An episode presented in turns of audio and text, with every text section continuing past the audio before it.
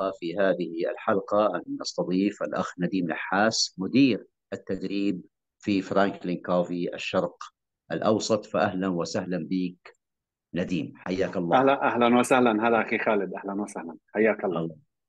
الحقيقة الذي أعرفه عنك أنك أنت عندك رحلة مع أو تجربة قيادية جيدة في جانبين. الجانب الأول هو الجانب التدريبي تقدم دورات في موضوع القيادة لقضية مهمة جدا سنوات طويلة ما شاء الله.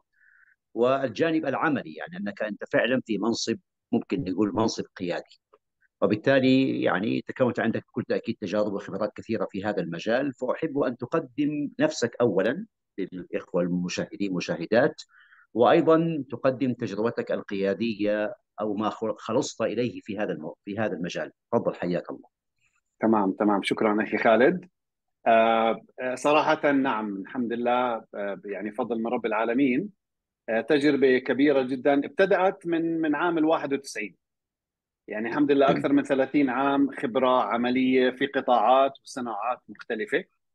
أذكر بعض منها قطاع القطاع القطاع المالي بين بنوك وشركات تأمين لفترة طويلة. بعدين قطاع قطاع النقل البحري ال marine يعني بشكل عام.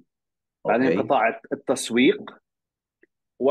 وأخيرا قطاع التدريب والاستشارات مع شركة فرانكلين كوفي خلال رحلتي المتواضعة خلال كل هاي السنوات طبعا الواحد بيبتدي زي أي بداية بتبدأ بتبتدي كموظف آه، بكون في عندك الخبرات مع القادة مختلفين فبتبدأ فورا تتأثر بهاي الأساليب القيادية المختلفة بعدين بتصير. كمان بمعنى آخر بتصير تشوف عندك أمور مختلف ببعض الفروقات بأساليب القيادة. على. مدار السنوات فهذا التأثير هاي صراحة نقطة جدا رئيسية يمكن راح أرجع لها لاحقا. لما الواحد يعني القائد سواء كان الجديد أو القديم بتأثر اساليب القيادة المختلفة من حوله. حتى لو كان طبيعة دراسته في الجامعة تناول هذا الموضوع من ناحية علمية أكاديمية بتضلها المرجعية العملية هي مرجعية قوية جدا جدا. صار في هذا التأثيرات خلال الاعوام بداية الرحلة خلينا نحكي السيرة المهنية. آه بعدين الحمد لله باللحظة اللي بتصير أنت فعليا مدير صغير إذا بدنا نسميها عندك كم من شخص آه، أنت مسؤول عنهم تبدأ فورا تكتشف أسلوب القيادة أو الأساليب القيادية اللي أنت تأثرت فيها كيف بقدر أعكسها على فريق عملي وبتبدأ فورا تتعلم من تجاربك الخاصة. فعلى مدار السنوات الحمد لله آه، استلمت مناصب قيادية مختلفة سواء كانت كفرق صغيرة أو كفرق كبيرة. بتصير كمان على مدار السنوات بتصير مدير لمدراء آخرون وبتبدأ تنتقل من مرحلة قيادية أو مرحلة إدارية منها للأعلى وهكذا. فحاليا آه، آه، طبيعة عملي فأنا فعليا أنا مدرب ومستشار في مجال عم نحكي السلوكيات الإنسانية.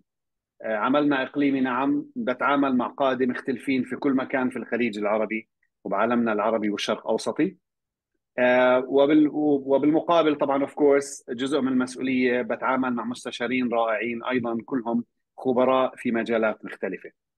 فهذه خلفية بسيطة برحلتي بالقيادة ورحلتي بالتدريب آه، لغاية الآن. طيب ممكن نقول مثلا يعني لو لو سألتك هذا السؤال متى أول منصب قيادي استلمته في عام كم تقريبا؟ كان أول منصب قيادي استلمته في كان عام آه ال 96 طيب الآن 96 دحين نحن 2023 فهذه ما يقرب من 6 و 4 أو 24 سنة لا كم سنة؟ 27 27 سنة طيب. طيب إيش الفرق بين نديم نحاس عندما استلم بتحدث قياديا قياديا بين عام 96 ميلادية okay القرن الماضي وبين نديم نحاس قياديا okay في 2023 ما الفرق؟ في المنظور مثلا الفرق شاسع صحيح صحيح. أنا بدي بدي الحقيقة حتى نستفيد. لو حبيت تقيم نفسك الماضي والآن إيش تقول؟ بقول إنه في فرق شاسع ومش الفكرة مقارنة آه، شو كان وين الواحد كيف ابتدى وكيف كيف لغاية الآن. ولكن اللي بعتقد إنه الطريقة اللي ابتديت فيها كانت بكل بساطة فيها نوع وبعتقد أي ناس من أجيالنا بهذاك الوقت كانت المدرسة اللي بتعلمك كيف أنت تقود فريقك بطريقة جدا ممتازة اللي هي مدرسة الحياة الطريقة العملية. بما نعم. معناه يمكن بوقتها ما كان في ناس قائد انت بترجع له يجي يقعد معك يجهزك يهيئك يقول لك والله انت كمان ثلاث أشهر كمان ستة أشهر راح تصير مسؤول عن فريق. هذه هي المهارات اللي بتلزمك هذه هي الأساليب اللي بتستخدمها معهم هذا الكلام لما ابتدينا إحنا ما كان. فأي فأنا لما ابتديت كانت أي شيء تعلمته تعلمته بالملاحظة تعلمته من خلال خبراتي الخاصة. وطبعا بالمقابل كأي تجربة كلاسيكية تبدأ تطبق على فريق عملك ودائما هاي التجربة فيها الصح وفيها الغلط. فبتبدأ تتعلم من تجارب النجاح وتعززها وتكررها وبتبدأ فعليا تتجنب الأخطاء وتحاول تستبدلها بطريقة أخرى. فإذا هيك هذه هي الرحلة اللي ابتدت. إذا بدك تيجي تمسك هاي الرحلة وخلينا نطورها ونشوف كيف فعلا تم النمو بهاي المرح بهاي الرحلة لغاية الآن الآن بعتقد معظم المؤسسات معظم الأماكن مهما كانت المؤسسة حجمها صغير ولا كبير بغض النظر هاي المؤسسة كانت حكومية ولا خاصة أو شبه حكومية صار في عندنا بعض الأساسيات ركائن أساسية تهيئ وبتساعد القادة فعلا في عملهم بحيث إنهم يعرفوا كيف يديروا ويقيدوا يقودوا فريق عملهم بطريقة أفضل. فالعمالي بقوله صارت يمكن عملية التعلم الخبرات موفرة متوفرة خلينا نحكي. وصار في نوع من الاحتضان من المؤسسات بهذا الموضوع. هل هذا الموضوع يتم أو الاهتمام فيه بالدرجة الكافية؟ أنا شخصيا بعتقد إنه هذه دائما هي ناحية للتحسين والتطوير. فعشان هيك فالعمالي بحكي الآن لو أنا اليوم أول وظيفة بستلمها لو كانت الموارد والفرص والمعلومات والأدوات والتكنولوجيا تحديدا المتوفرة قدامي الآن لو كانت متوفرة قدامي سنة 96 كان أكيد راح تساعدني في إدارة عملي وإدارة فريق عملي قيادتهم بطريقة جدا جدا أفضل. فهذه فعليا بتأمل إنه هذا كان جواب لسؤالك. طيب هل هل تجد إنه على ما تعرف نحن عندنا موضوع المنظور البارادايم المنظور كيف ترى الأشياء تفهمها تفسرها صحيح حتى القيادة كيف يراها الإنسان يفسرها يفهمها يطبقها إلى آخره يختلف من إنسان لإنسان حتى من حقبة لحقبة كذلك لأسباب مختلفة. هل نديم نحاس كان له في فترة ماضية قديمة شوية منظور معين للقيادة ثم تبدل المنظور ولو جزئيا إيش كان إيش أصبح؟ طبعا أكيد آه، بتعرف هذه هي التجارب الواحد بتعلم بتعلم فيها فخليني أعطيك مثال واحد من المنظورات أو المنظورات اللي إحنا تأثرنا فيهم من القادة المختلفين من حولنا إنه فعليا إذا أنت بدك تتعلم أي شيء لازم أنت فعليا تبادر وتبحث ما حد راح يعلمك. هذا كان منظور. هلأ بوقتها يمكن كان هو هذا هو البديل المتاح. فكان الكل تلاقيه بحاول طبعا مش بالضرورة الكل بس اللي فعلا بده حابب يرتقي ويتعلم ويقود الفرق بطريقة أفضل كان يبادر وكان يبحث. وهذه كانت يعني الحمد لله تجربتي الخاصة. ولكن آه، فهذا كان منظور. إذا بنيجي نمسك هذا المنظور ومنطبقه على اليوم أنا بعتقد هذا المنظور نهائيا لا يصلح. شو السبب؟ لأنه بكل بساطة عندنا اليوم وأنا متأكد يعني إخواني المستمعين ولا المشاهدين بيعرفوا هذا الكلام وطبعا حضرتك أخي خالد. آه اليوم عندنا كل مؤسسة كمان في عندنا شرائح مختلفة من الفئات العمرية في هاي المناصب القيادية. فلما نيجي نتكلم على هاي الفئات العمرية بالمناصب القيادية توقعاتهم طريقة التواصل طريقة وضع الأهداف أنا عم بتكلم على أمور محددة لها علاقة بعالم الأعمال هذه كلها بتختلف. فبالتالي ما في أنا بعتقد رأيي المتواضع الخاص ما في أي شيء اسمه والله إنه إذا أنت بدك تتعلم أي شيء لازم تبحث. صار في توقعات. اختلف المنظور كليا. إذا مم. أنت بدك ياني أقود فريقي بطريقة معينة لازم توفر لي الأدوات لازم تعمل لي نوع من ال من coaching أو ال mentoring لازم تعتني فيي لازم تعطيني نوع من التوجيه لازم توفر لي المعلومات توفر حتى يعني توفر لي المكان المناسب والوقت المناسب. بما معناه إذا أنا كنت مشغول كثير ومش مركز على هذا الموضوع واللي هو موضوع جدا أساسي هذا راح ينعكس على أسلوب قيادتك للفريق. فهذا فرق شاسع بين منظور القيادة سابقا ومنظور القيادة حاليا وبرجع بأكد على النقطة إنه معظم المؤسسات بتوفر هاي الأشياء لقادتها حتى لو كانوا بفئات عمرية مختلفة هلأ هل بالضرورة إنه يتم الاستفادة من هاي الأمور المتوفرة ولا لا؟ م. هذا سؤال دائما فيه فيه نقاش وفيه أخذ وعطاء. اي بكل تأكيد. وبالتالي ممكن هل يمكنك أن تقول التحديات okay التي آه، يواجهها القادة اليوم قادة المنشآت okay الشركات إلى ربحية أو ما هي ربحية؟ هل ترى أنها إيش نقول أصعب من التحديات التي كان يواجهها القادة نقول قبل 20 30 40 عام؟ يعني إذا بدناش نضعها بهاي الكلمات أخي خالد إنها كانت أصعب ولا أسهل نقدر نتفق إنها تحديات مختلفة. لأنه بتعرف شوف التطورات شوف التغييرات المستمرة بين جيل وجيل واليوم التغييرات عمالها نعم، بتحدث بشريقة سريعة وتغييرات حتى بما يتعلق بموضوع عم تحكي التغيير متسارع يمكن حتى بشكل بشكل أسبوعي بشكل يومي. فتحديات زمان تختلف عن تحديات اليوم. التغيير اللي كان يحصل زمان مختلف عن سرعة التغيير اللي بتواجهه المؤسسات اليوم وبالمقابل الأفراد اللي بيشتغلوا أو اللي بينتسبوا لهي المؤسسة. أكثر ما هي نحكي أصعب ولا أسهل؟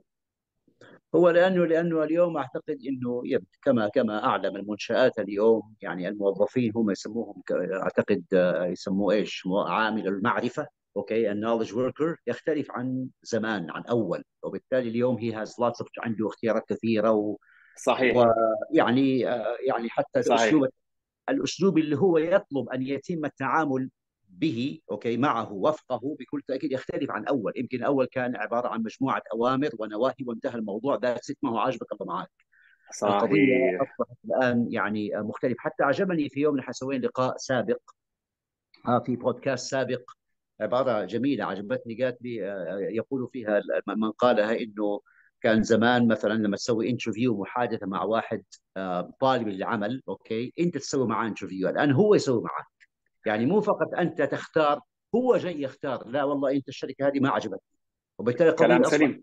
أصبح مختلف تماما عن أول. هذا صحيح. قصدي أنا. وبالتالي التعامل مع هذه المتغيرات أعتقد قضية تحتاج إلى منظور مختلف يحمله القائد. تحتاج صحيح. إلى كما قلت أنت إلى مهارات كذلك مختلفة أستطيع التعامل وفقها وأيضا تحتاج يمكن إلى ما يسمى بال emotional intelligence الذكاء هذا وأنا عجبني كلمة أخرى أخذت كتاب حديثا عنوانه emotional agility اللي هي نسميها المرونة العاطفية لأنك صحيح. انت تحديات ضخمة وأعراق مختلفة شخصيات مختلفة قدرات مختلفة آه، كوامن اللي هي potential مختلفة وبالتالي أحتاج إلى مرونة عاطفية التعامل مع هذا ومع هذا ومع هذا ومع هذا ومع هذا إلى آخره. كلام سليم. so هذا مثال واضح على التغييرات اللي عماله بتواجهها المؤسسات اليوم. وبتعرف فكرة عمال أو بديش اسميه عمال أشخاص عصر المعرفة اللي هي knowledge worker age هذا فعليا أنا سمعتها أول مرة بآخر الثمانينات بالثمانينات بالآخر.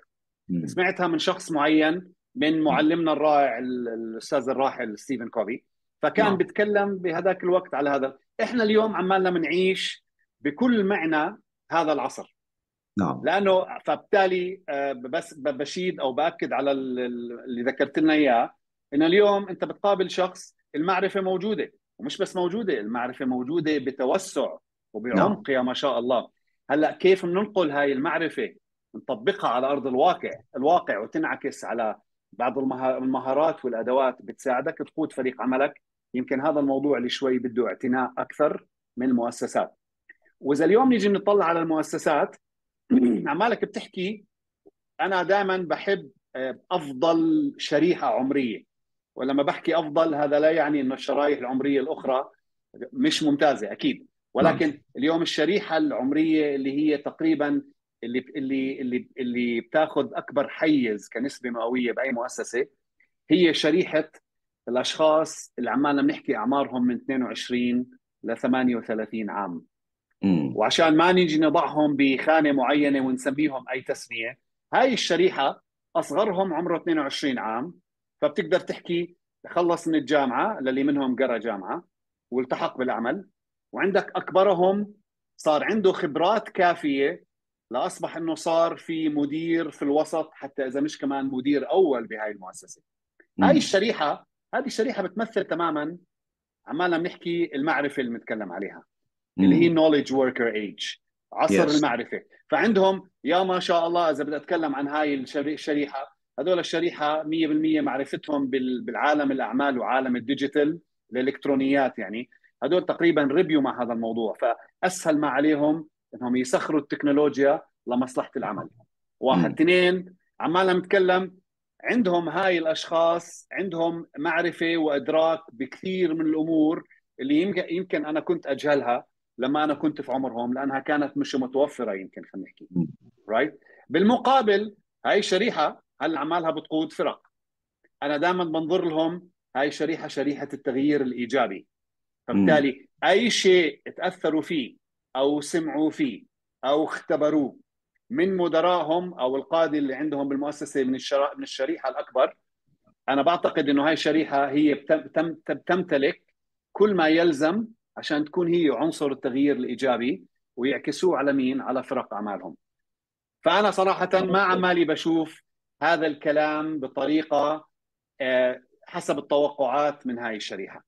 ويمكن في عدة أسباب، يمكن ما في احتضان، يمكن ما في توجيه، ما في توضيح نربطهم من القادة الأعلى منهم، ولكن دائما إحنا زي ما بنحكي شو هي الأشياء الأمور اللي بنقدر نسيطر عليها. الأشياء اللي بقدر أنا أعمل فيها بأحدث بعض التغيير ويمكن ما بلزمني أي موافقة مع أي شخص أقدر أعكسها على مين؟ على فريق العمل. فعشان هيك هاي الشريحة اللي هي بالإنجليزي اللي بسموها ال millennials شريحة. رائعة جدا جدا ولكن بعتقد ما عمالها بتاخذ المعنى أو ما بصير في تمكين كافي من المؤسسات. لهي الشريحه عشان فعلا تكون هي الشريحه اللي بتحدث التغيير. ما في تمكين كافي من الم... من الشركات لهم بمعنى صحيح. اعطيني بمعنى ما في احتضان. أعطيك مثال. يعني أكثر من مثال بعض ال... بنحكي هذه واحدة من أفضل الممارسات. كيف المؤسسات وإذا أنا فعليا أنا بمثل الشريحة الأكبر من هاي الشريحة صحيح؟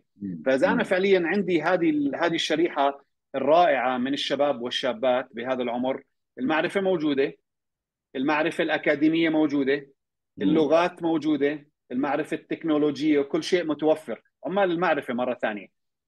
فلازم أنا فعليا أمكن هاي الشريحة وأوضح لهم تماما الدور الرئيسي اللي بيلعبوه وأعطيهم المساحة إنه فعلا يمارسوا أو يحدثوا بعض التغييرات في المؤسسة وكأنني عمالي بعملهم التوجيه والتمكين المناسب عشان فعلا هذه آه. الشريحة اللي عمالها بتستلم.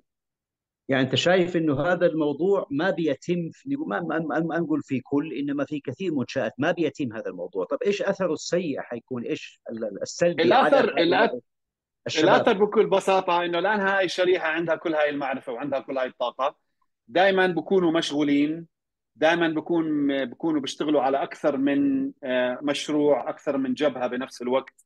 فبالتالي بتلاقي التركيز أقل بتلاقي هاي الأشخاص بما إنه في عندهم فرق أعمال تتبع لهم ما بالمقابل ك... كامتداد ما عم يتم الاهتمام فيهم بالطريقة المعينة.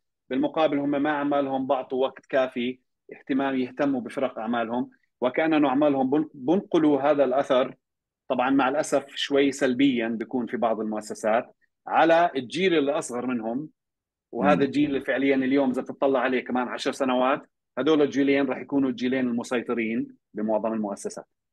وبالتالي لو طلبنا لو لو لو قلنا مثلا إنه على القادة الكبار الآن okay أن يمكنوا هؤلاء إيش الخطوات في number 1 2 3 4 يسوي إيش؟ صراحة في ثلاث من هذا صحيح. what to do دائما دائما بنحكي absolutely دائما بنحكي أول شيء لازم تكون النية والرغبة موجودة عند هاي الأشخاص اللي هم الفئة الصغيرة إنه فعلا أنا بدي أحدث التغيير. أوكي.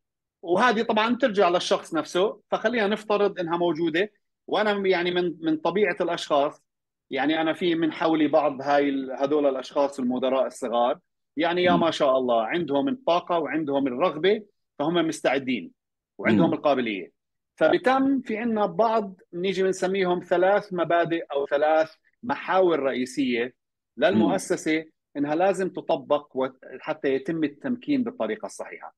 أول طيب. أول نقطة بنحكي فيها لازم هاي الأشخاص هاي الفئة لازم نوضح لهم تماما شو هي الرؤية ال vision ليش هو okay. دورهم دور محوري okay إذا لابد right. أول شيء كما قلت توضح لهم الرؤية حق المنشأة.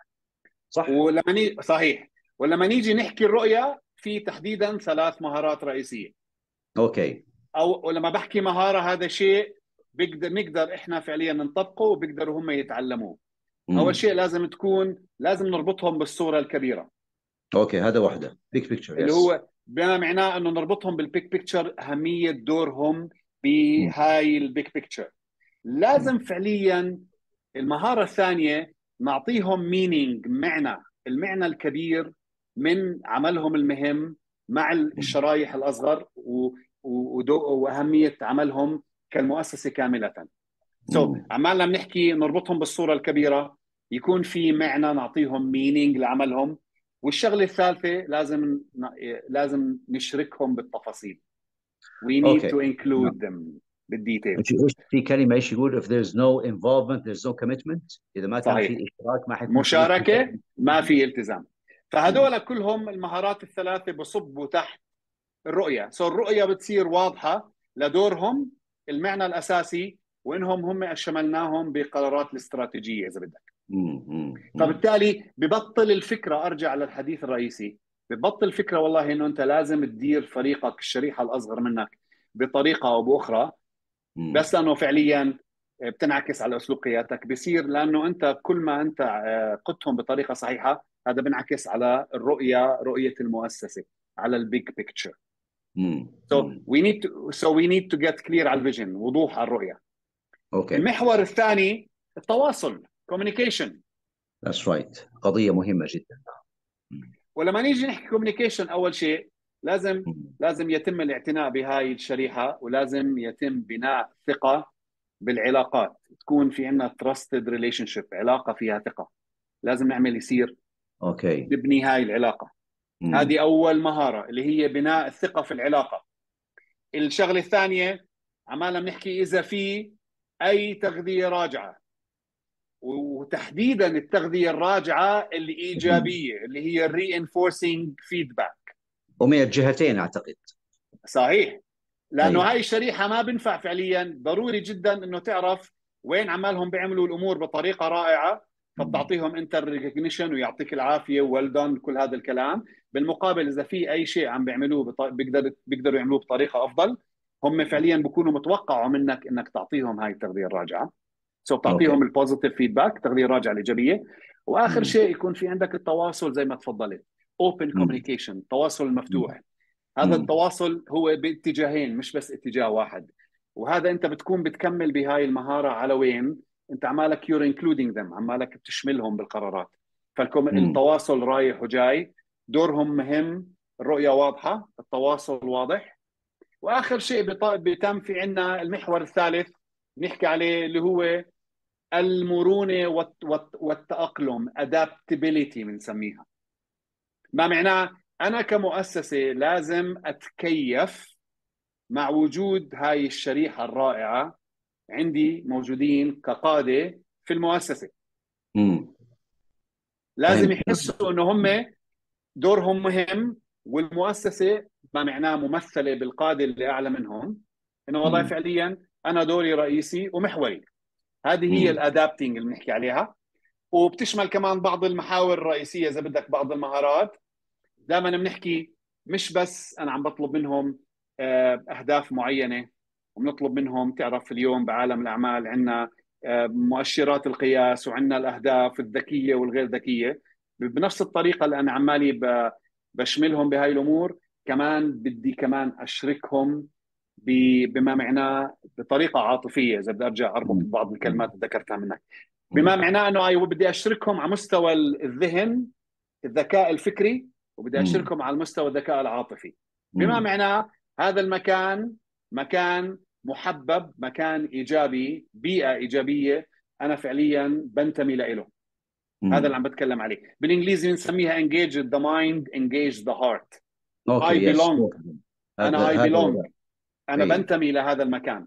مم. وأنا ما راح أقدر بغض النظر أنا وين شريحتي أنا ما راح أقدر أشعر بالانتماء غير لما يكون في تكيف من المؤسسة اللي أنا فيها وفعلا عمالها بتحتضني. آه المهارة المهارة اللي قبل الأخيرة الفلكسبيتي المرونه المرونة نعم. أي نعم. تعرف هذه الشريحة اليوم يمكن اللي كان ينطبق علينا زمان اللي هو عندك الدوام من الساعة 8 للساعه 4 دوام فيكس مم. اليوم وخصوصا بعد الجائحة الكبيرة اللي واجهها العالم صار. في شوية مرونة. ولازم تعطيهم مرونة لأنه هاي الشريحة بتشتغل على تحقيق الأهداف وعلى ال على ال performance على الأداء أكثر من ما بتشتغل على الساعة. فبالتالي لازم يكون في مرونة في التعامل معهم وهذا جزء من التكيف. so المؤسسة لازم تتكيف. إنه أنا والله الدوام خلينا نحكي ساعات الدوام فيها مرونة. وهذا مم. موجود اليوم تقريبا في معظم المؤسسات أنا بخبرتي متواضعه وآخر نقطة عمالنا بنحكي كل الأفكار الابتكارية الرائعة اللي عندهم لازم فعليا نعطيهم المساحة إنهم يطبقوها. وهنا نعم. بنحكي لما يطبقوها يطبقوها على مين؟ على فرق أعمالهم. مش عمالنا بنحكي بدنا نخترع الذرة من أول وجديد. صحيح. فهدول الثلاث مهارات عمالنا بنحكي بنت يعني مرتبطين بالمحور اللي هو ال adapting التكيف. نعم. so so, إذا بدي أرجع ألخص الرؤيه تكون ال vision clear الرؤيه كلير لهم نعم. أي نعم. عمالنا بنحكي التواصل معاهم مستمر وواضح. ويكون في تكيف. نعم. ساعتها بتكون عمالنا زي ما بنحكي بلغتنا راح عمالك بتكون بتمكنهم بطريقة راح تنعكس بطريقة جدا رائعة. على وين؟ على قيادتهم لفرقهم وعلى النتائج اللي راح يحققوها.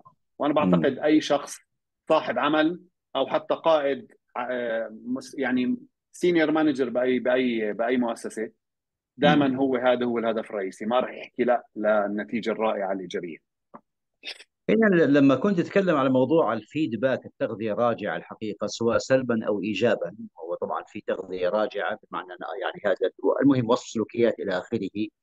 أنا في يوم كنت بقرا في كتاب إنه في فرق كبير يقولوا بين آه بتعرف بعض ال... لما أقول قادة لما أقول قائد أنا أقصد القائد سواء كان معلم معلمة حتى أب وأم القائد أو في منشأة okay? الدور بعضهم صحيح. يكتفي يكتفي يكتفي بالتقريع والتأنيب. okay? أنت أخطأت وأنت كذا وأنت كذا إلى آخره. ولكن ما يعطي له okay feedback بمعنى آخر طيب بدل ما أقول له أنت مثلا سواء مدحا أو أو ذما بدل ما أقول له أنت ممتاز أنت بطل أنت الحقيقة يعني أنقذت الشركة okay?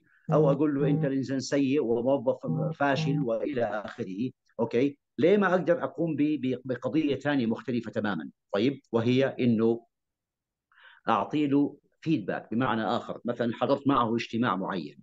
طيب ولقيت أنه كيف يتعامل مثلا مع عندما يقود الاجتماع كيف يتعامل مع هذا المشاركين في الاجتماع. طب يمكن بي بي بي بيقوم بسلوكيات إيجابية جيدة فأنا أركز على هذه. أقول له لاحظتك مثلا عندما يتحدث فلان تستمع له. okay? أو بالعكس لاحظتك عندما يتحدث فلان أنت تقاطعه. طيب أعتقد هذه أفضل من قضية صحيح. إن كلام سليم. كلام سليم. وهاي نعم. الفئة العمرية صراحة هي تقريبا متطلب هي بتتوقع إنه أنت تعطيها هاي التغذية الراجعة. okay. عرفت كيف؟ لأنه شو بصير؟ لأنه بتعرف إحنا القائد القيم والأسلوب والمهارات اللي بيستخدمها يتم بتصير هي تصبح هي المرجعية في قيادته. سو so, أنا الطريقة اللي بتأثر فيها من مديري المباشر سواء أنا بغض النظر شو الفئة العمرية اللي أنا بشتغل فيه اللي أنا موجود فيها إذا أنا ما ما تم التنبيه وما وما أخذت المعلومات والتغذية الراجعة الكافية بصير أعتقد إنه هذا الأسلوب هو الأسلوب الصحيح لقيادة فريق عملي اليوم نعم. فبالتالي أرجع للنقطة اللي ذكرتها الأشياء نعم. الممتازة اللي عمالها بتتم أنا بعطي تغذية راجعة عليها اللي تم بهذا الاجتماع مع هذا الشخص كان ممتاز سو بعززها بالمقابل إذا صارت في بعض السلوكيات أو النتائج الغير مرضية كمان بعطي عليها تغذية راجعة إرشادية أو تصحيحية. ونقطتي الرئيسية إنه هذا الجيل يتوقع هذا النوع من التغذية الراجعة. ولكن لا لا ما بيحصل على التغذية الراجعة الكافية الآن هذا هو من نعم. الشرائح من حوله عشان يقدر يعمل هذا النوع من التصحيح. وبالطريقة الصحيحة. وبالطريقة صحيح. الصحيحة كمان. يعني أوكي يقول لي أنا مثلا اعطيني سلوكيات صف لي سلوكيات سلبية أو إيجابية قمت بها مثلا يكون أفضل. طيب هنا في برضه هذا يقودني لقضية مهمة جدا اللي هي موضوع بالإنجليزي يسموها accountability أوكي المساءلة أو المحاسبة.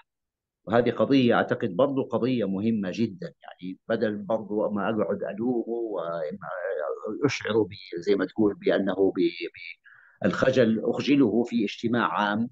How can I hold كيف أستطيع إني أنا آه، أشعر بأنه مسؤول وأنه سيحاسب؟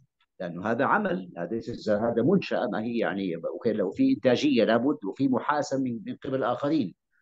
كيف إيش الحدود أو إيش القواعد التي على أساسها okay ينبغي أن يتم محاسبة هذا الإنسان حتى ما يحس إنه okay أنا رايح أغيب شهرين أسوي اللي أبغى وأرجع أقول نجحت أو ما نجحت. صحيح، يعني بنرجع لموضوع ثاني اللي هو وضوح الأهداف المطلوبة من هذا الشخص. م. بعد ما أنا أوضح له الأهداف الموجودة يعني أنا عم بتكلم على مبادئ رئيسية لإدارة أي فريق أو يعني بعالم مؤسسات. الأهداف واضحة أنا عندي الموارد الكافية ولما بتكلم موارد سواء كانت موارد عينية موارد مالية موارد بشرية اللي هي متوائمة مع الأهداف المطلوبه مني. وعمالنا بنحكي في عندنا تواصل وهذا التواصل يمكن يكون بش يعني بنقدر نشمل تحته سواء كان التواصل الإلكتروني الاجتماعات الدورية الأسبوعية اليومية. عشان نعم. أتأكد إنه هذا الشخص بهاي الأهداف عماله بقوم بعمله. حسب حسب المخطط. وبتعرف المؤسسات كلها عمالك بتحكي. فهنا إذا هاي الأشياء الأساسية طبعا يمكن في إضافات. أنا متأكد في كثير هذا العالم يعني عم تحكي هي قضية ال consequences كذلك العواقب. لو سويت صحيح. لو ما سويت هذه قضية مهمة. correct فبتصير صحيح. فبتصير بس قصدي هدول هم المحاور الرئيسية. فبالتالي إذا أنا عمالي بنجز ممتاز بصير في المكافآت بصير في ولكن بالمقابل كمان لازم تكون واضحة الأمور خصوصا لهي الشريحة اللي بتكلم عليها لازم مم. تكون واضح تماما بحال ما حققت هاي الأهداف مم. شو بصير بدناش نسميها عواقب ولكن عمالنا بنرفع درجة المساءلة عشان مم. ما يحسوا فقط إنه والله بس بالأمور الإيجابية إحنا عمالنا بنعزز كمان هيك بترفع المسؤولية إنه مش بس يعني لازم تقوم بعملك بطريقة صحيحة نحن شوف بصفة عامة بصفة عامة طبعا نقدر نقول في السنوات الأخيرة أعتقد المشتتات يعني أصبحت آه، سواء على مستوى العيلة أو في المجتمع أو طبعا المنشآت وهذا حديثنا. وأنا الحقيقة الفترة الماضية لما كنت أنا أحب يعني أقتني كتبا كثيرة وأحب أخش أشوف الجديد فوجدت أن هناك كتبا كثيرة جدا جدا جدا أصبحت تركز على أهمية يسموها focus أو hyper focus كمان أو deep work اللي هو العمل العميق وفي ال light work okay يعني لأنه يمكن وجدوا إنه المشتتات أصبحت كثيرة في بيئة العمل سواء ال social media أو أو إلى آخره يعني. وبالتالي كيف يمكنك إنك أنت يحط يديك آليات أو مهارات تمكنك من التركيز؟ إيش دور القائد هنا؟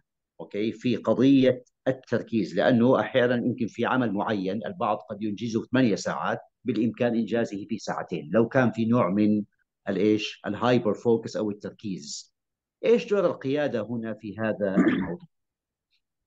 آه بكل بساطة مبادئ أساسية. أو دور القائد إنه يكون يتأكد إنه يصير في عندنا عملية تحديد الأولويات.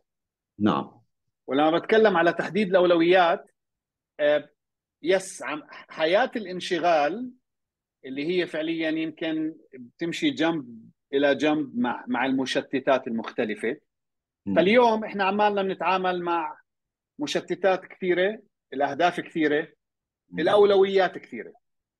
فدور القائد إنه يتأكد تماما حتى لو على شكل أسبوعي من هاي الشريحة الصغيرة الفئات الفئه العمرية الصغيرة إنه مثلا شو هي أهم أولوية ولا أهم أولويتين خلال هذا الأسبوع لازم بيجي نهاية الأسبوع نتأكد إنه أنجزنا عليهم.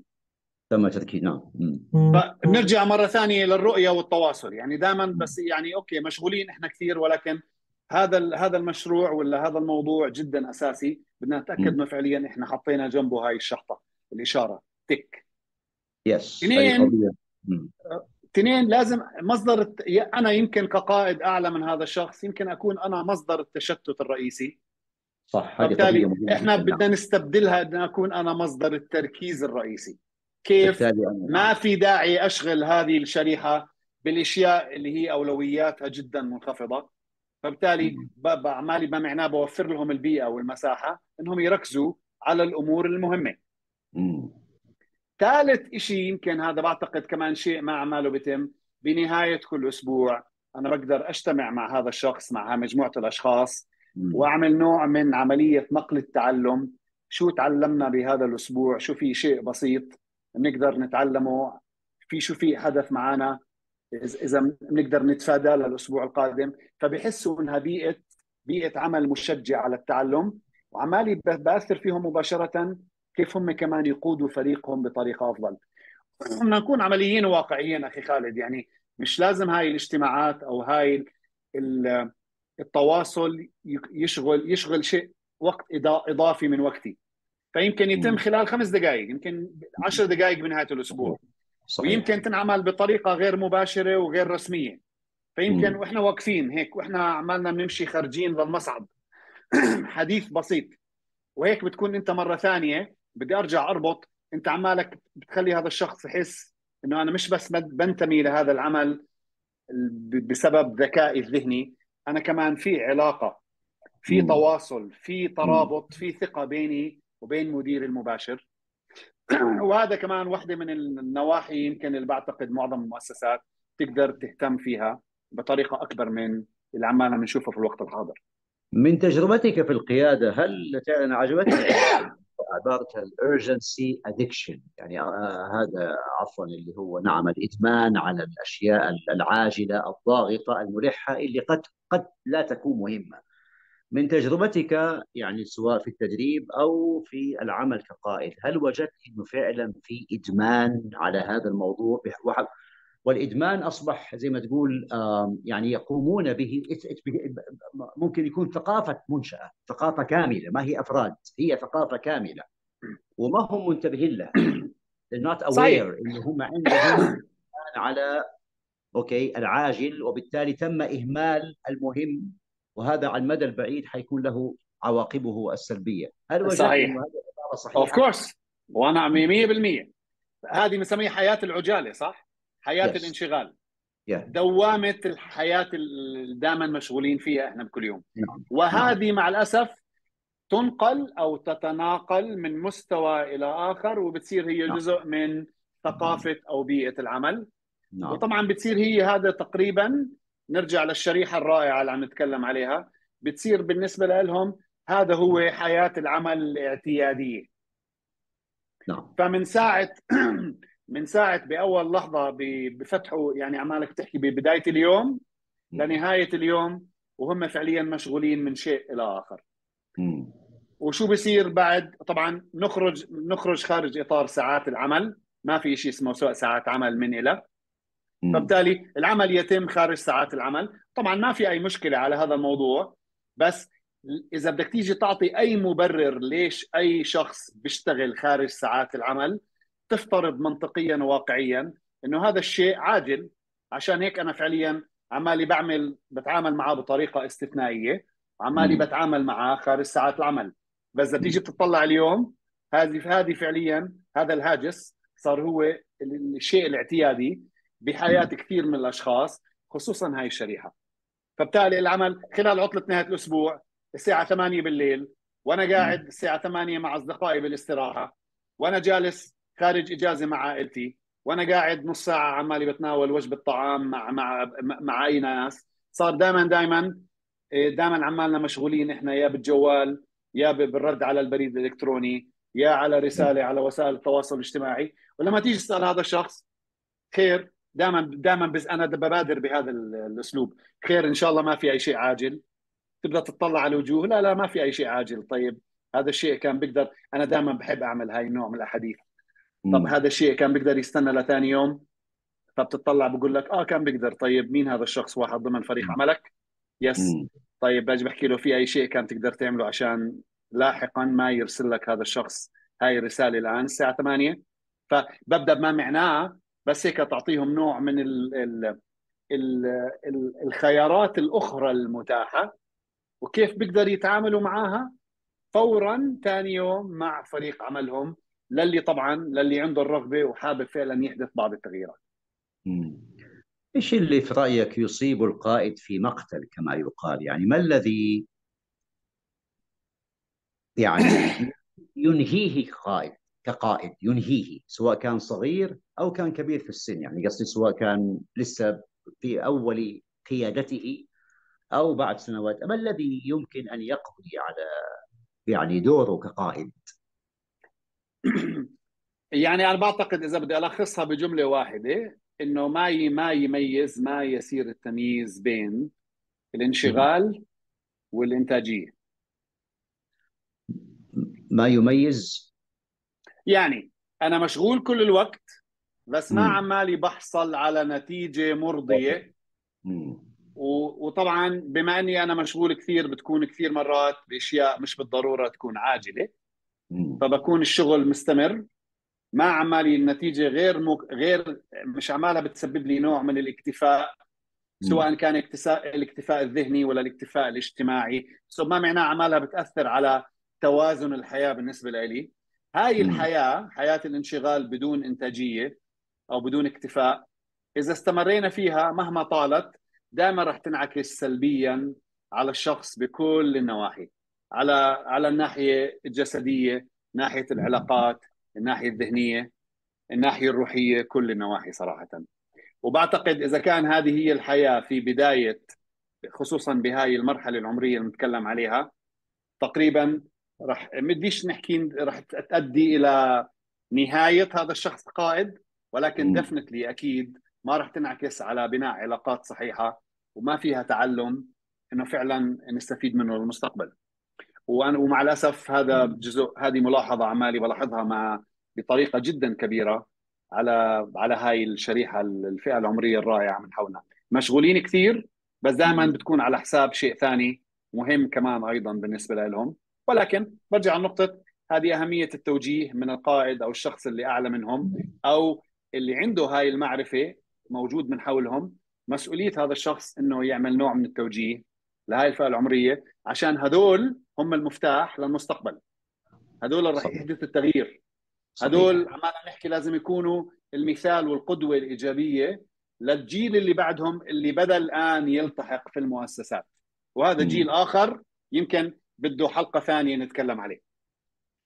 ال ال أحيانا بعض الناس لما يصل إلى منصب قيادي أوكي يتوقف عن تطوير نفسه. خلاص يعني هو زي ما يقول يظن أنه يعني قف وصل قفلت العلم. إي فبالتالي يقول لك خلاص I don't need to learn ما أبغى أتعلم زيادة أو أقرأ أو آخذ دورات أو أو أو listen to other people أو أستمع للاخرين حتى أستفيد منهم. ما تظن إنه هذا أيضا ممكن ينهي حياته القيادية؟ صحيح صحيح صحيح 100% و100% كلام سليم. آه بس شوف أنا دائما عندي الأمل يعني أنا واحد من أكثر المشجعين وبتكلم على هاي الفئة العمرية في كل مكان. يمكن بسبب في مجموعة رائعة من حولي بهاي الفئة العمرية اللي يعني بتأمل عمالي بكون بعطيهم بوضح لهم وبعطيهم المعرفة والرؤية والخيارات المتاحة الأخرى. فالحمد لله الموضوع فلأنه هاي الفئة من حولي أنا أكثر ناس يعني عمالي برشد الآخرين. وبعمل نوع من التسويق لهاي الأشخاص. فعندي أمل كبير إنه حتى مع مع شدة التحديات من حولهم.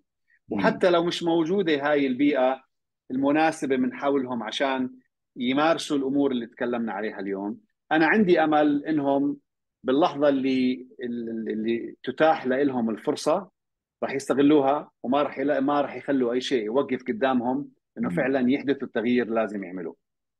يعني أنا دائما بحب هيك دائما بهذا الأمل بهاي الايجابيه بكل تأكيد بكل تأكيد يعني. نعم. لو في مجالين أو ثلاثة مثلا لو واحد سألك قال لك أنت كقائد أو كرجل يعني قدمت دورات القيادة إلى آخره لو أنك وأنا إنسان في في أول مشواري القيادي وسألته قلت لك okay إيش مجالين أو ثلاثة بس؟ ترى أنه ينبغي أن أركز ركز عليها في أول مسيرتي القياديه إيش تقول له؟ اثنين أو ثلاثة مثلا. دائما بحكي التعلم المستمر. okay. ثقف نفسك يعني تعلم دائما ولو حتى شيء جديد شيء صغير كل يوم. مم. ولما باجي بحكي هاي إني التعلم المستمر بقدر أتعلمه من الناس من حولي من الظروف من حولي من المراجع من الكتب من الإنترنت من أي مكان. Yes. so التعلم المستمر دائما باجي بحكي التحلي بالأخلاق. بكل تأكيد وبما فيها فعليا حتى لو أنا صرت مهما ارتقى مستواي الإداري التواضع نعم. والأخلاق هي نعم. فعليا نعم. موجودة وهي واحدة من من السبب واحدة من السبب الرئيسي راح يساعدني أبني علاقات ناجحة من حولي والشغلة الثالثة إنه موضوع التأثير أنا شخص قدوة إيجابية للأشخاص من حولي صحيح فبالتالي بما إنه أنا مؤثر عليهم فنعم القرار قرارهم ولكن أنا بهاي الإيجابية وبهاي الأخلاق وبالتعلم المستمر إن شاء الله بتكون أنت أكبر عنصر تغيير إيجابي للناس من حولك. حتى لو إني أنا كنت شخص لساتني أول منصب قيادي وفي بس شخصين يتبعوا لي. هذه تجربتي الخاصة وهي المبادئ الرئيسية إذا بدي أعطيها نصائح لناس الحقيقة هذا اللقاء كان لقاء جميل وبيني وبينك بس أنا بدي أختمه بسؤال إيش في سؤال تمنيت لو أنني سالتكه صح كده سالتكه تنفع ولكن لم اسالكه زي إيش؟ إيش في سؤال تمنيت لو اني سألتك هو؟ إيش هو؟ هل في شيء معين ولا تقريبا يعني يلا السؤال وهذا السؤال يمكن بده حلقة ثانية أخي خالد السؤال نعم. دائما دائما السؤال اللي أنا بسأله بطرحه انت أسأل السؤال نخليك نوع من التشويق لحلقة أخرى. أيوه. السؤال شو السبب؟ شو السبب؟ وهذا السؤال أنا بوجهه دائما لأصحاب المؤسسات. شو السبب إنه هم يدركوا إنه هاي المواضيع اللي نتكلم عليها غير موجودة؟ وبدركوا تأثيرها السلبي على عالم المؤسسة وعلى النتائج ولكن بديش أحكي بيختاروا ولكن لا يتم التعامل معه بالطريقة الصحيحه هذا دائما آه. السؤال اللي أنا بتساءله كل الوقت يعني كأنك بتقول هذا السؤال اللي هذا السؤال اللي تمنيت إنك ما تسألني يعني كأنك بتقول كأنك بتقول إذا كنت أعرف إنه هذا الشيء مهم وله تاثيره الإيجابي طب ليه ما أسويه؟ أوكي أو إذا كنت أعرف إنه هذا له تأثيره السلبي طب ليه بقى أسويه؟ وليش عم بسمح وكصاحب مؤسسة ليش عم بسمح لهي الأشياء إنها تتم؟ وما وأنا عارف بدرك أهمية الأشياء الثانية ما عمالي بعززها أو بأكد عليها. هذا السؤال اللي نطرحه للجميع. طبعا الجواب طرف الجواب موجود بس زي ما حكينا يمكن هذا بده حلقة ثانية. إن شاء الله. هذا عبارة عن طعم أو شيء مشوق. هذا أيوه تيزر هو هيك بس بس مجرد للقاء ثاني شيء للتفكير. آه، ما شاء الله كان اللقاء الحقيقة جميل وما شعرنا بمضي الوقت. ما شاء الله معك نديم. أنا أشكرك جزيلا على هذا اللقاء وأشكركم جميعا على المتابعة. وأعيد طبعا لنديم اولا ولل أو للجميع بكل نديم والجميع إنه كل عام وأنتم بخير. عيدكم مبارك. ونسأل الله عز وجل يعني إنه يعيده علينا ونحن في أحسن حال صحة وعافية وأمن وأمان ومعرفة وإيمان إلى آخره. طيب شكرا لكم سيداتي سادتي والمشاهدين مشاهدات و على حسن متابعتكم ونتمنى أن نلتقي بكم في حلقة قادمة عن القيادة بإذن الله شكرا والسلام عليكم ورحمة الله وبركاته.